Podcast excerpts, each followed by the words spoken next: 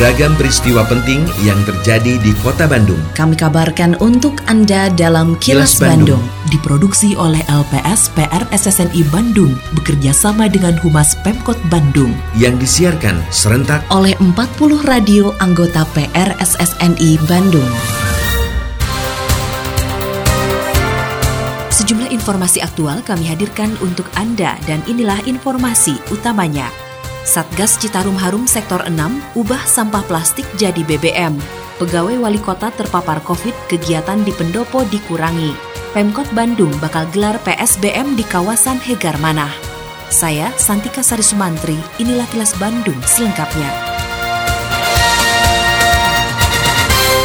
Berbagai terobosan dan inovasi terus dilakukan oleh Satuan Tugas Citarum Harum dalam menyelesaikan permasalahan di sepanjang daerah aliran Sungai Citarum. Seperti inovasi terbaru dari Satgas Citarum Harum Sektor 6 yang berhasil mengolah sampah menjadi bahan bakar. Inovasi ini dikembangkan untuk mengatasi masalah sampah di Sungai Citarum. Kepala Seksi Penerangan Media Elektronik Pendam 3 Siliwangi, Mayor Kavaleri Susanto menjelaskan, melalui mesin pengolah sampah, Satgas Citarum Harum Sektor 6 mampu mengolah sampah plastik menjadi bahan bakar jenis minyak tanah, solar, dan biosolar. Menurutnya dibutuhkan waktu sekitar 5 jam untuk memproses sampah plastik menjadi bahan bakar tersebut. Seperti dilaporkan reporter Yudi Dirgantara, Susanto mengatakan, meski sudah terbukti bermanfaat, ketiga jenis BBM tersebut harus melalui uji laboratorium terlebih dahulu sebelum bisa digunakan oleh masyarakat. Total memerlukan waktu kurang lebih 5 jam dari mulai pembakaran hingga menghasilkan bahan bakar. 3 jam dari pembakaran dan 2 jam menghasilkan minyak tersebut. Ah, minyak tersebut yang didapat dari plastik itu biosolar, solar, dan minyak tanah. Yang kita bakar dari 15 kilo sampai dengan 20 kilo menghasilkan kurang lebih 5 sampai 9 persen bahan bakar. Sebanyak dua orang yang bertugas di rumah dinas wali kota Bandung di Pendopo diisolasi setelah dinyatakan positif COVID-19.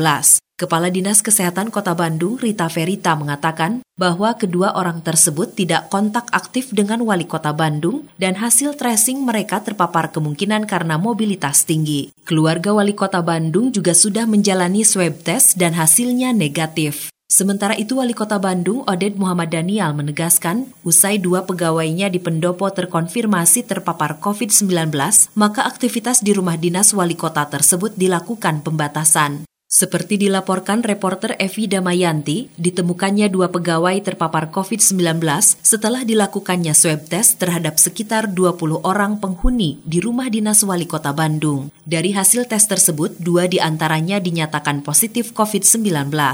Yang kita batasi ya, kita batasi kegiatan, saya kira-kira seperti itu ya. Karena memang kemarin ketika di swab itu, saya kebetulan swabnya di rumah, di pendopo gitu seperti itu ya.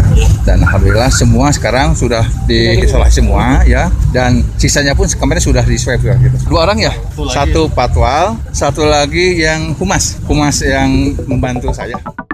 Pemerintah Kota Bandung mengklaim munculnya klaster baru penyebaran COVID-19 di Sekolah Calon Perwira TNI Angkatan Darat atau Secapa AD tidak mempengaruhi status wilayah yang berada di zona biru atau terkendali. Pasalnya penghitungan jumlah positif COVID-19 di Kota Bandung berdasarkan alamat pasien yang bersangkutan. Hal tersebut disampaikan Wakil Wali Kota Bandung Yana Mulyana usai rapat terbatas evaluasi adaptasi kebiasaan baru atau AKB Kota Bandung pada Jumat kemarin. Selain itu, menurutnya saat pelaksanaan pembatasan sosial berskala besar atau PSBB di Kota Bandung, tidak boleh terdapat aktivitas pendidikan. Namun pihaknya tidak bisa melakukan intervensi kepada secapa AD karena mereka memiliki kebijakan tersendiri. Reporter Evi Damayanti melaporkan, menurut Yana, saat ini pemerintah kota Bandung terus melakukan tracing termasuk swab test kepada masyarakat sekitar secapa AD. Itu kan bukan ini kota Bandung. Karena kan ini, pendekatannya kan kita alamat. Nah itu kan mungkin karena seluruh Indonesia dan itu juga tersentralisir, itu kelihatannya angkanya diangkat ke pusat gitu ya. Tidak ini kota Bandung. Dan sebetulnya kan pada saat kota Bandung menerapkan perwal, PSBB tahap 1, 2 ataupun AKB, kan sebenarnya di situ udah jelas nggak boleh ada pendidikan ya tapi kan karena itu memang instansi lain dan itu juga punya kebijakan tersendiri ya kita nggak bisa intervensi juga ya Dari 500 warga yang mengikuti swab test di Balai Kota Bandung pada Sabtu ini, 28 orang di antaranya adalah warga dari klaster Sekolah Calon Perwira TNI Angkatan Darat atau Secapa AD di Hegar Manah. Selain melakukan swab test terhadap warga sekitar secapa AD, pemerintah Kota Bandung akan menerapkan pembatasan sosial berskala mikro atau PSBM di wilayah Hegarmanah. Wali Kota Bandung Oded Muhammad Daniel menyatakan pelaksanaan PSBM merupakan upaya menghentikan penyebaran COVID-19.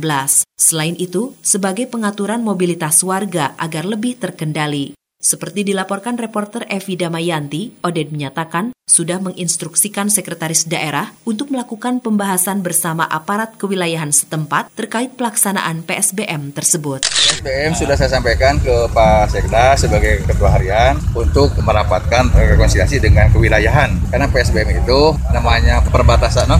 pembatasan, skala mini ya, mikro ya, itu untuk lokal di situ saja gitu. untuk mem memastikan supaya tidak terlalu banyak orang tidak masuk di situ. Teknisnya nanti kewilayahan dengan Pak Camat gitu. Satgas di kecamatan. Jadi gini, pengaturan kalau masuk lebih ketat lagi supaya memang lebih terkontrol itu aja gitu. Karena khawatir kalau tidak terkontrol repot itu aja. Pelaksanaan Hari Raya Idul Adha tahun ini berbeda dibanding sebelumnya karena dalam situasi pandemi COVID-19. Masyarakat diimbau menerapkan protokol kesehatan baik saat pelaksanaan sholat Idul Adha maupun proses penyembelihan hewan kurban untuk mencegah penularan COVID-19. Ketua Majelis Ulama Indonesia atau MUI Jawa Barat, Rahmat Syafi'i mengatakan, untuk menghindari kerumunan, penyembelihan hewan kurban bisa dilaksanakan secara bertahap. Hal ini karena pelaksanaan penyembelihan dapat dilakukan selama empat hari, pada tanggal 10, 11, 12, dan 13 Zulhijjah. Reporter Suparno Hadisaputro melaporkan, Rahmat meminta di masa COVID-19, panitia pelaksana kurban dan umat muslim mampu memanfaatkan waktu penyembelihan hewan kurban sebagai bagian dari ibadah dan tetap menerapkan protokol kesehatan. Penyembelihan tentu secara syar'i itu jangan sampai penyembelihan itu berkerumun. Ini kerumunannya, hindari kerumunan itu. Mengenai waktu, kita itu luas. Jadi empat hari. Hari pertama tanggal 10 tentu ada hari penyembelihan. Hari tasrik 11, 12, 13. Empat hari. Maka dalam kondisi sekarang tidak harus hari pertama kerumunan rame-rame bagikan habis. Hari Jumat itu Idul Adha tahun ini. Jumat, Sabtu, Ahad, Senin. Empat hari. Manfaatkan waktu itu. Sah semuanya yang disebut Yaumut Tasri. Meski menimbulkan korban jiwa maupun terganggunya berbagai sektor kehidupan manusia, pandemi COVID-19 justru berdampak positif terhadap kondisi lingkungan. Menurut Kepala Dinas Lingkungan Hidup Provinsi Jawa Barat, Prima Mayaning Tias, dengan adanya pandemi COVID, indeks kualitas air maupun udara saat ini membaik. Hal ini karena berkurangnya aktivitas masyarakat maupun industri selama terjadinya pandemi.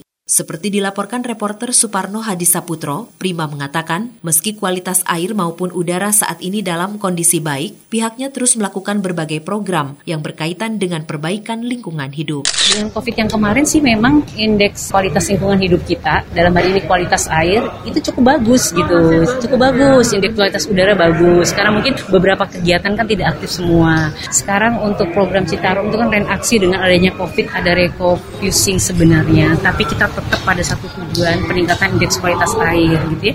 Walaupun itu nanti akan direview sebenarnya untuk kelas airnya supaya bisa naik lagi. Visi terhadap rencana aksi kita. Nah rencana aksi inilah yang memang harus kesepakatan untuk mengejar indeks kualitas air tadi. Kini, audio podcast siaran Kilas Bandung dan berbagai informasi menarik lainnya bisa Anda akses di laman kilasbandungnews.com. Terima kasih Anda telah menyimak Kilas Bandung. Bekerja sama dengan Humas Pemerintah Kota Bandung yang diproduksi oleh LPSPR SSNI Bandung.